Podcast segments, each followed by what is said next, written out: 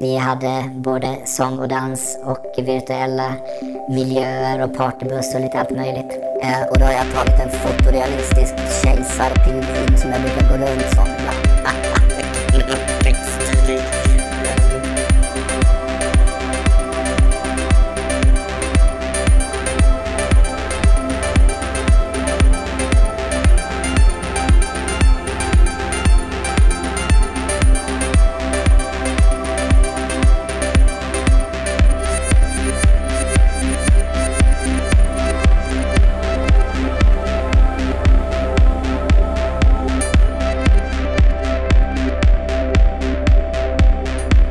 Hjärtligt välkomna till andra avsnittet av Perspektivpodden. Och vi som just nu är i ett virtuellt rum och spelar in är jag, Thomas Sjöberg. Jag, Marcus Landström. Och jag, Claes Holmlund. Och förutom att prata om virtual reality så vill vi också skapa en mötesplats för oss som är intresserade av det här mediet och bjuda in till lite eftersnack och lite mingel. Och det kommer vi göra på onsdagar klockan 21, samma vecka som vi sänder avsnitten. Och eh, länken till det kan ni hitta i våra show notes och på vår hemsida perspektivpodden.se. Och eh, vi hade en träff här förleden och eh, shoutout till Ankarman, Viktor och Martin som dök upp på första träffen. Jättekul att ni ville komma och köta med oss. Vi hade både sång och dans och virtuella miljöer och partybuss och lite allt möjligt. Samt att vi hade möblerat rummet med olika saker från det senaste avsnittet. Så att hjärtligt välkomna nästa gång. Det kommer att bli den 2 december klockan 21. Alright. Uh, eh, idag så kommer vi ju prata om uh, avatarer en hel del. Uh, och då är det allra högst lämpligt att börja vår uh, podd idag med ett litet citat ur litteraturen. As Hero approaches the street, he sees two couples, probably using their parents' computer for a double date in the metaverse. He's not seeing real people, of course. It's all part of a moving illustration created by his computer from specifications coming down the fiber optic cable. These people are pieces of software called avatars They are the audiovisual bodies that people use to communicate with each other in the metaverse. Det här citatet är alltså taget ur boken Snow Crash som var mitt eh, tips från förra veckans avsnitt. Begreppet avatar hade tidigare använts i ett dataspel men eh, det var i den här boken som det först användes av författaren Neil Stevenson för att beskriva audiovis audiovisuella kroppar som människor använder för att kommunicera med varandra. Och begreppet avatar, det, det, har ytterligare lite år på nacken. Det är från början sanskrit, eh, ordet avatra.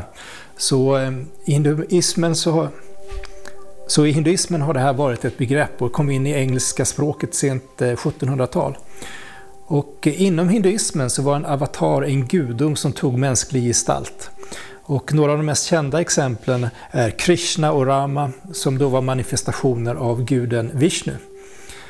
Och Det intressanta i vår användning av ordet, det är att här tar vi som människor en digital gestalt och likt Vishnu kan vi kosta på oss många olika representationer och inkarnationer som speglar olika sidor av oss.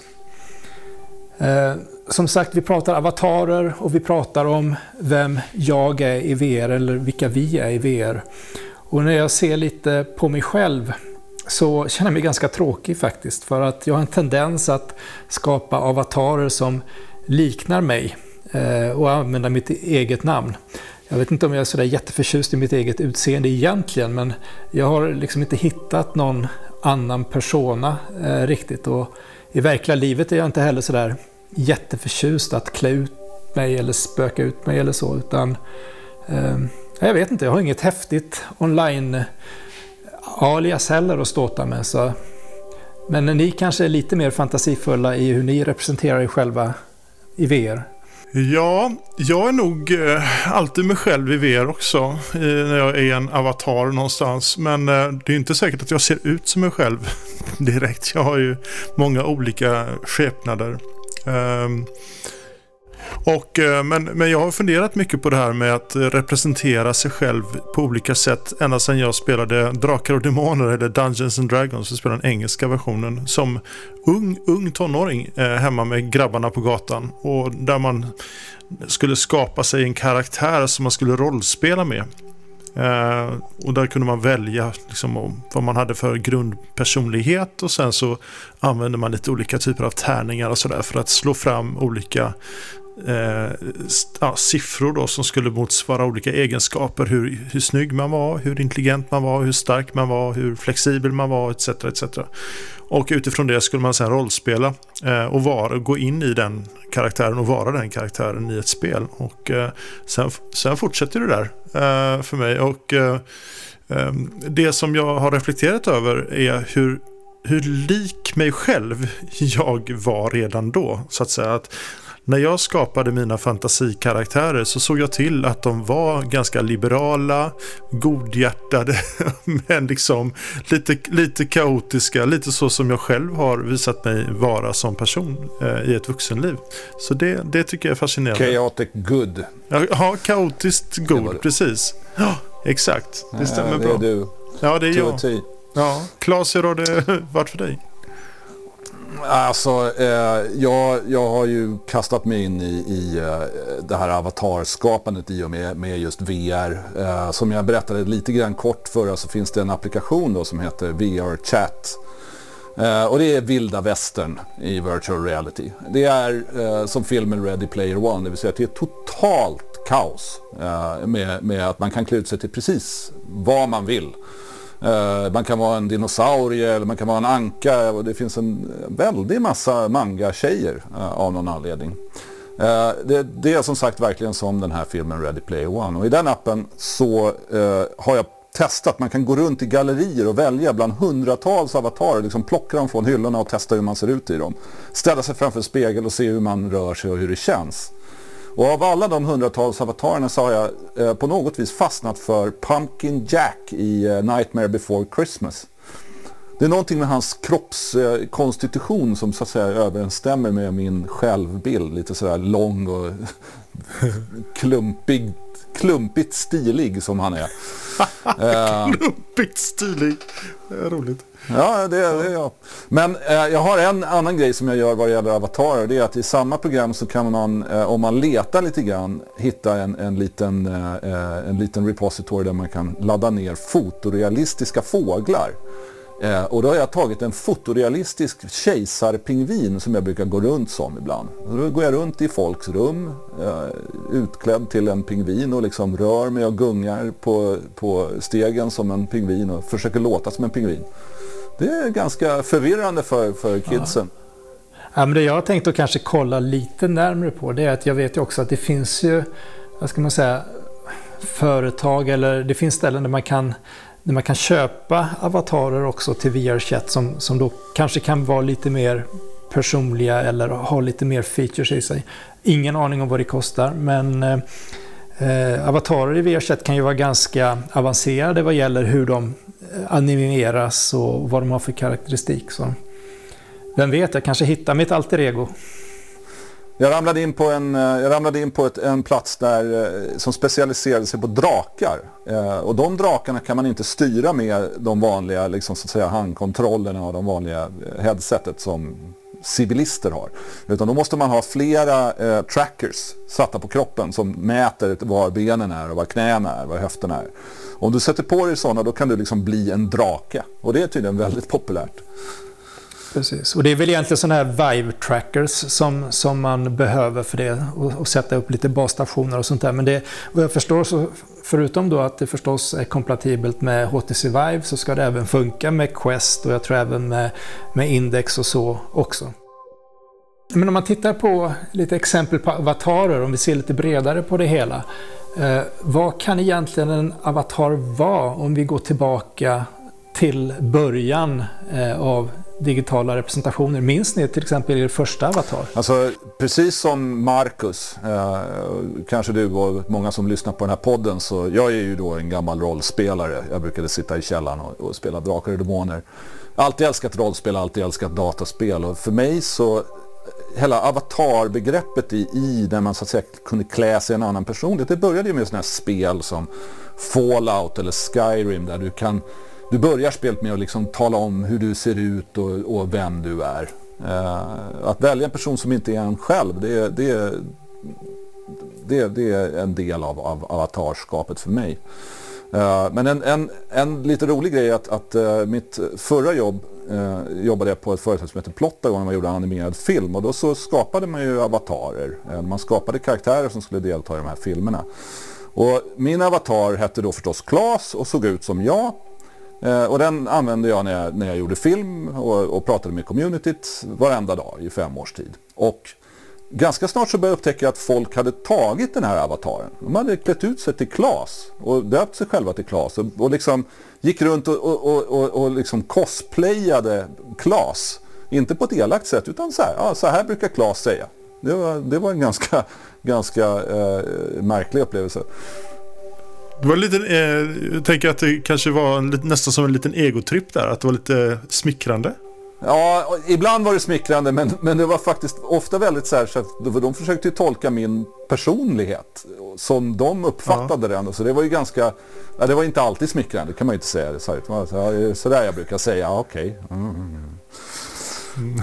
Du märkte nog inte det, men när vi hade vår meetup eh, häromveckan så så satte jag faktiskt på headsetet på min fru så att hon skulle få kolla lite hur det var. Jag tror inte ni märkte det, att det helt plötsligt var någon annan som var jag i mötet. Hon gjorde inte så mycket väsen av sig. Utan Nej, jag märkte inte det heller. Ha, intressant.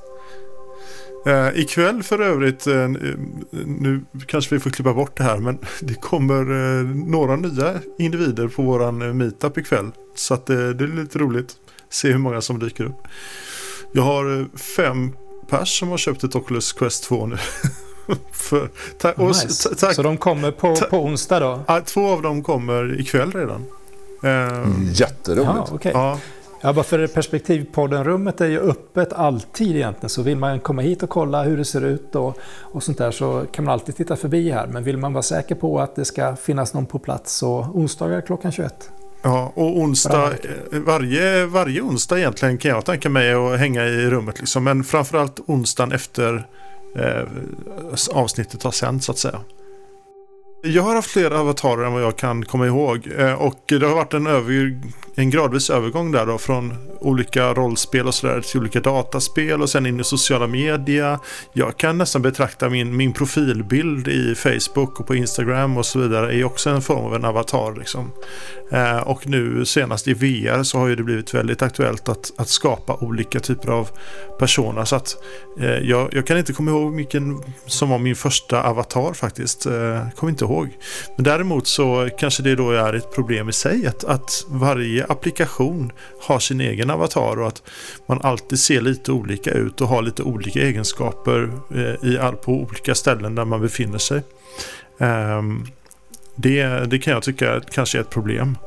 Eh, och sen är man Sen har jag funderat mycket på vad som faktiskt vad definierar en avatar. Som jag sa, kan det vara min profilbild på Facebook som är en avatar? Är, är muspekaren på skärmen en avatar? Eh, eller måste en avatar vara sedd av andra också än mig själv? Eh, eller måste den ha vissa egenskaper? Nu ställer jag fler frågor än ger svar, men det kan vi också göra i den här podden. Fråga varandra. Liksom. Ja, man kan ju också tänka sig lite framöver om man skulle kunna skapa liksom en självständig avatar som ser ut som mm. dig. Som, som kanske också, alltså som fungerar som en chattbot ja. nästan, men som bygger sin personlighet delvis då på vem jag är, mina värderingar, mina mm. erfarenheter och kunskaper och så.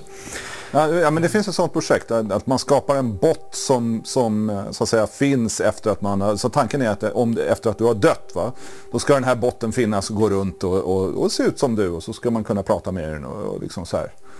En aning creepy skulle jag säga, att, att man liksom skapar någon form av föräldralös zombie som går runt och liksom så här, hej, här är jag igen. ja. ja, kanske. Det, kan, det är på ett sätt en sympatisk eh, tanke, kan jag tycka. Ja, men eh, sen så har jag funderat jättemycket på vad som är, vad är en bra avatar och vad är en dålig avatar. Och eh, där har jag eh, någon slags egen definition. Jag tycker att en bra avatar är ju en avatar som kan förmedla mitt, eh, mig så att säga och min energi och min sinnesstämning in i det digitala rummet. Uh, och, och, därför så tror jag att en avatar som är tecknad till exempel men väldigt uttrycksfull kan vara mer effektiv än en fotorealistisk avatar som ser död och stel ut. Um, och, och, där finns det många olika exempel på bra tecknade uttrycksfulla avatarer. Uh, Loom.io kan vi nämna. Kan skicka länken här sen i samband med podden. Uh, på det är den som du ser ut som nu by the way. Ja, exakt. Det, det, är den som jag ser ut som nu. De är duktiga på att göra väldigt uttrycksfulla tecknade avatarer som jag tycker då kan vara mer personliga och utstråla mig mer än vad ett foto kan.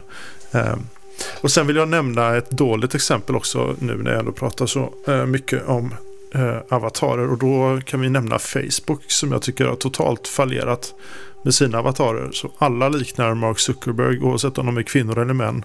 Och ja, ingen av dem har skägg. Det finns inte, man kan inte ens välja skägg. Nej, nej, eh, så som, de är rätt obehagliga. Som skäggig man så måste jag hålla med om det. Men, det, men det, jag tycker att det är ganska markant att, att du kan, men, och det, det, det vet jag så ifrån av egen erfarenhet, att när du bygger ett avatarsystem då vill du ju så att säga smöra för dem som, som betalar din lön. Så att det är ändå så att du kan bygga en, en nästan fotorealistisk avatar eller en jättesnygg tecknad avatar av Mark Zuckerberg med det där systemet.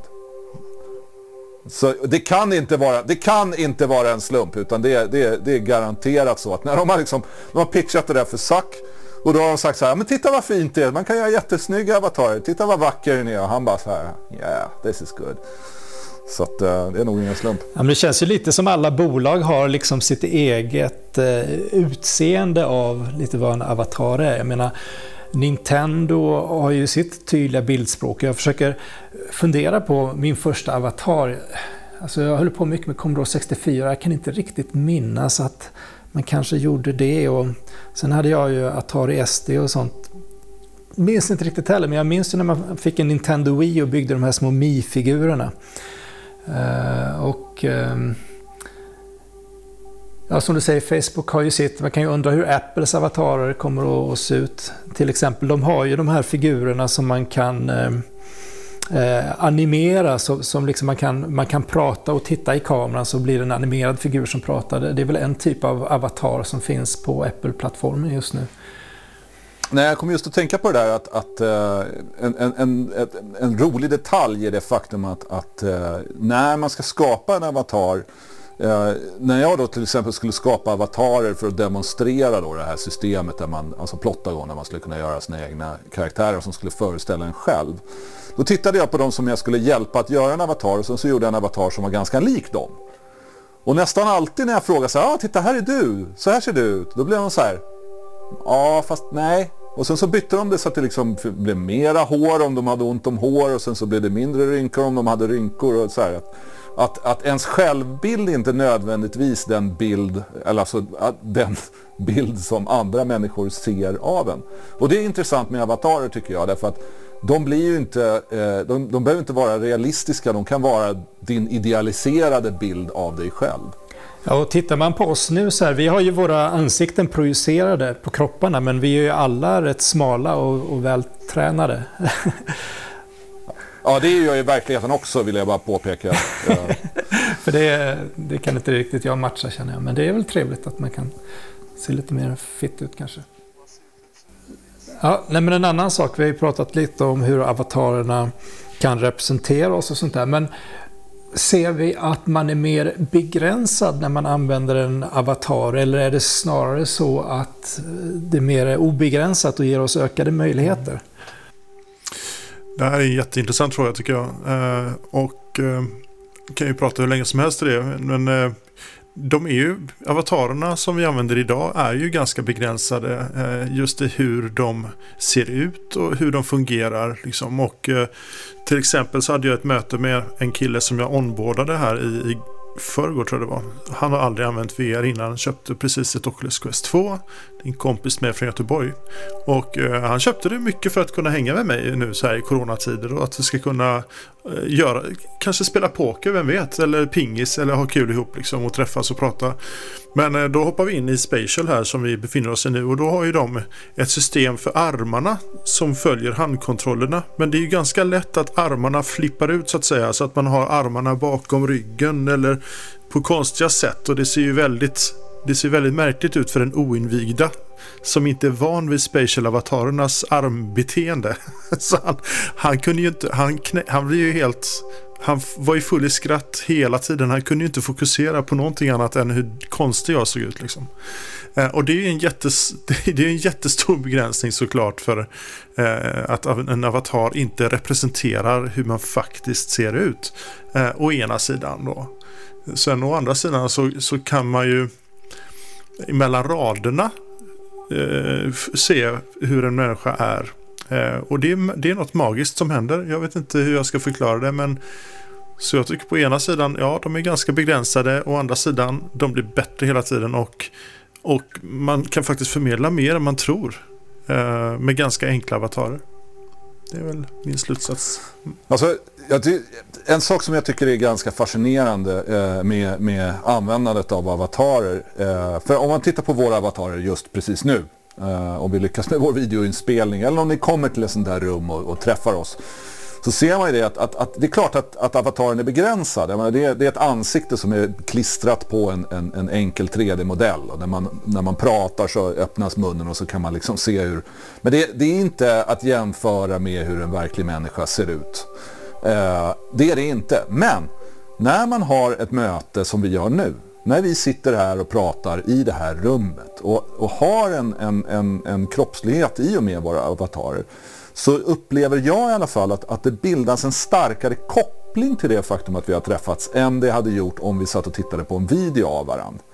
Och det är ju intressant för i det är avatarer, även med sina tekniska begränsningar, eh, inte begränsade. De, de öppnar upp en helt ny värld av, av eh, eh digitalt umgänge som, som eh, eh, videolänk inte klarar av.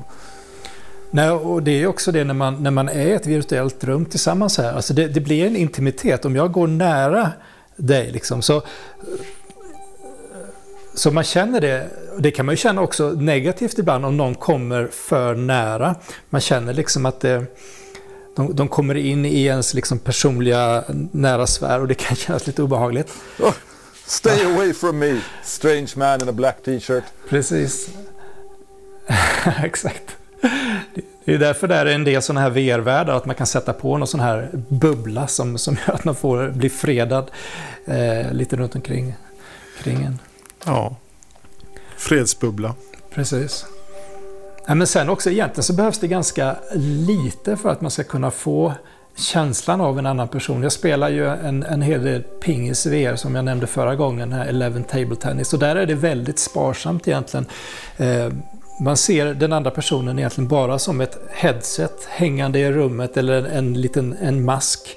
Eh, och sen ser man eh, händerna, där man har pingisracket i ena handen och sen liksom en kontroll i den andra handen. Det är allting jag ser av personen. Men jag kan ändå se om den här personen är frustrerad eh, och, liksom om den är i balans eller om han är trött eller så. Så det är ganska fascinerande. Bara, bara själva trackingen är okej, okay, att man kan följa rörelsemönstren kan man, kan man se väldigt mycket av den andra personen faktiskt. Mm. Ja, alltså, eh, det, eh, det, det är vissa saker som man får lära sig när man börjar använda avatarer. En är att prata som en italienare, det vill säga ha en, en, liksom, en kroppslig eh, emfas på allting. Att man viftar mycket med händerna, man pekar, man rör sig liksom så här för att använda de uttrycksmedel som står till buds. Men som jag var inne på lite grann tidigare så är det ändå så att, att eh, där vi nu då eh, allt fler börjar, bli, börjar, börjar komma in i, i VR så de som var early adopters, de har ju gått vidare till nästa steg, det vill säga att de använder ännu fler sensorer för att, att göra full body tracking. Att, att, att de sätter på eh, sensorer som gör att man verkligen kan se hur folk går och står. Eh, och det används väldigt mycket, bland annat till att, att eh, dansa. Eh, och då säger jag dansa med citationstecken, man gör alla möjliga saker i VR-chatt. Men, men ja, röra sig realistiskt på olika sätt som avatarerna annars inte klarar av. Eh, och det är ganska coolt. I dagarna här så släpps det ju en, eh, eh, en haptisk dräkt, alltså en haptisk väst. Eh, som är, eh, ja, det är en väst du sätter på dig som är fylld med små eh, vibrationsgrejer som gör att om jag tar tag i din avatar eh, med handen, då kommer du känna det. Du kommer känna min hand på din axel. Eh, och de har börjat säljas i, eh, alltså, över disk nu. Mm. Är det Behaptics du tänker på eller? Ja, det är det. Ja, ja precis. Den har ju funnits ett, ett, ett litet tag. Den har legat på en 5000 spänn tror jag. Och nu så kommer de med en variant också som är lite enklare med lite färre sådana här vibratorpunkter men som kommer att komma ner på 3000. Uh, och jag vet även han Thrillseeker som jag nämnde förra gången, han, han använder ju de där mycket och pratar om hur det är att få en kram i VR-chatt. Eller ett tips från honom var att man kan ge varandra sån här uh, nackmassage eller ryggmassage till exempel. Ja. Um, varför inte? Och så. Eller så. Lite, lite. Ja, varför inte? Det är alla möjliga olika sorters av massage tror jag det finns alla möjligheter till. Ja, uh, men en, en sak som jag en sak som, är, som, är, eh, som jag tycker är väldigt, väldigt cool det är att, att det känns ju som att, att nästa generation av, av Quest, och det har redan släppts på marknaden, headset som då inte bara har kameror ut mot omvärlden för att, att se det vi ser runt omkring oss, utan även kameror på insidan av headsetet.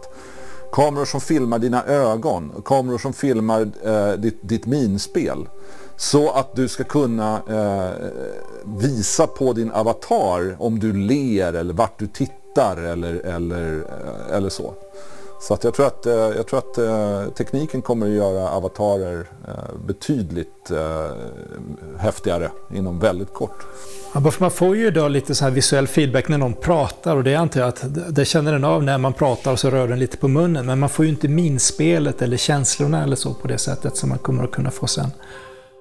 Men vad tror vi kommer, vad kommer att hända med avatarerna? Kommer de bli mer lika oss eller kommer det bli mer urspejsat eller vad är vi på väg tror ni? Ja, vad tror du Claes? Hur blir det i framtiden? Hur blir det i framtiden? Heja framtiden! Vilket för övrigt är en shoutout till en fantastisk podd eh, av Christian von Essen. Om ni inte hört den tidigare så gör det. Eh, jag tror så här att eh, jag tror att det kommer gå åt, åt två håll. För det första så, så precis på samma sätt som man klär sig i en snygg kavaj när man går på ett möte om man vill bli tagen på allvar så kommer folk lägga tid, resurser, teknologi på att bli eh, väl representerade i virtuella möten. Den tekniken är, är eh, definitivt någonting som jag tror har en, en ljus framtid. Eh, köp aktier i företag som satsar på eh, sensorer, gyroskop, kroppssensorer, sådana saker som man skulle använda för att, att bättre kunna tracka folks ansikten. Men jag tror också... Och kanske digitala stylister också. Ja, ja absolut. Jag tror också, jag tror också att det kommer vara jag tror att det kommer vara eh, även på så sätt att, att det går åt andra hållet. Precis som i Ready Player One, som jag faktiskt, hur lökig den science fiction-filmen ändå är på många sätt, är en ganska eh, träffsäker bild av hur, hur framtiden antagligen kommer bli. Att folk kommer vilja vara någon helt annan. Eh, folk kommer vilja vara pingviner. Eh, eller eller eh, Pumpkin Jack. Ja, jag tror också det. Jag, jag, tror att eh, för det första så tror jag att allting blir bättre. Det blir alltid bättre sen. Eh, så är det ju bara. Och eh, när det gäller mina framtida avatarer där så tror jag att jag kommer säkert vilja ha några olika. Dels så kommer jag vilja ha den här kanske mer representativa och, och för mig så kanske den jag kanske ska ha en avatar som är kopplad till mitt bank-id och som ärver mina rättigheter och som jag kan använda för att göra när, när saker är på riktigt liksom. Eh, och eh, där man inte kan helt plötsligt eh, få en Pinocchio-näsa utan den, är, den, den ska vara en representation av, av mig själv så att säga. Eh, så kommer jag säkert vilja ha en hel uppsjö med olika jag som kan fungera individuellt i olika sammanhang och som är specialiserade kanske på en speciell uppgift eller som ska vara i en speciell värld eller göra någonting speciellt. Så det, där tror jag att jag kommer ha eh, många olika avatarer i framtiden. Helt klart.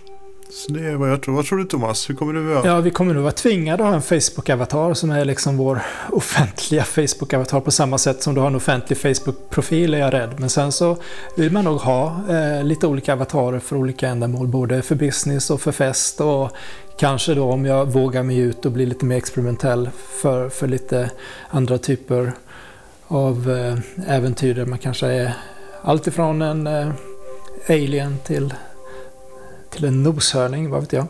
Ja, varför inte en noshörning just tycker jag låter som en spännande... ja, exakt.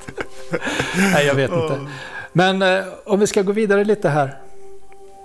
Ja, precis. Eh, men om vi ska gå vidare lite. Vi, eh, förra gången så, så avslutade vi med lite tips. Eh, vilket jag tycker är väldigt spännande. Och eh, vad har vi för tips idag? Om vi ska börja med dig Marcus. Jo, jag tänkte så här att eh, jag vill tipsa om en, en, författare och datorvetare och kompositör som heter Jaron Lanier. J-A-R-O-N Lanier. Jag tror han är född i Kanada. För antagligen fransktalande, men han bor i USA. Jobbar idag på Microsoft med deras XR-satsning HoloLens och HoloLens 2. Eh, bland annat. Men han har eh, skrivit flera bra böcker eh, och han har gjort flera spännande föredrag. Eh, och han har arbetat med VR och ganska avancerad VR sedan eh, ja, många, många år tillbaka. Jag tror att hans företag gick i konkurs typ 1990. så, och då hade han redan varit igång med VR ganska länge. Så han är en, en pionjär och har väldigt intressant filosofi kring just eh, avatarer och vem man är och jaget i förhållande till VR.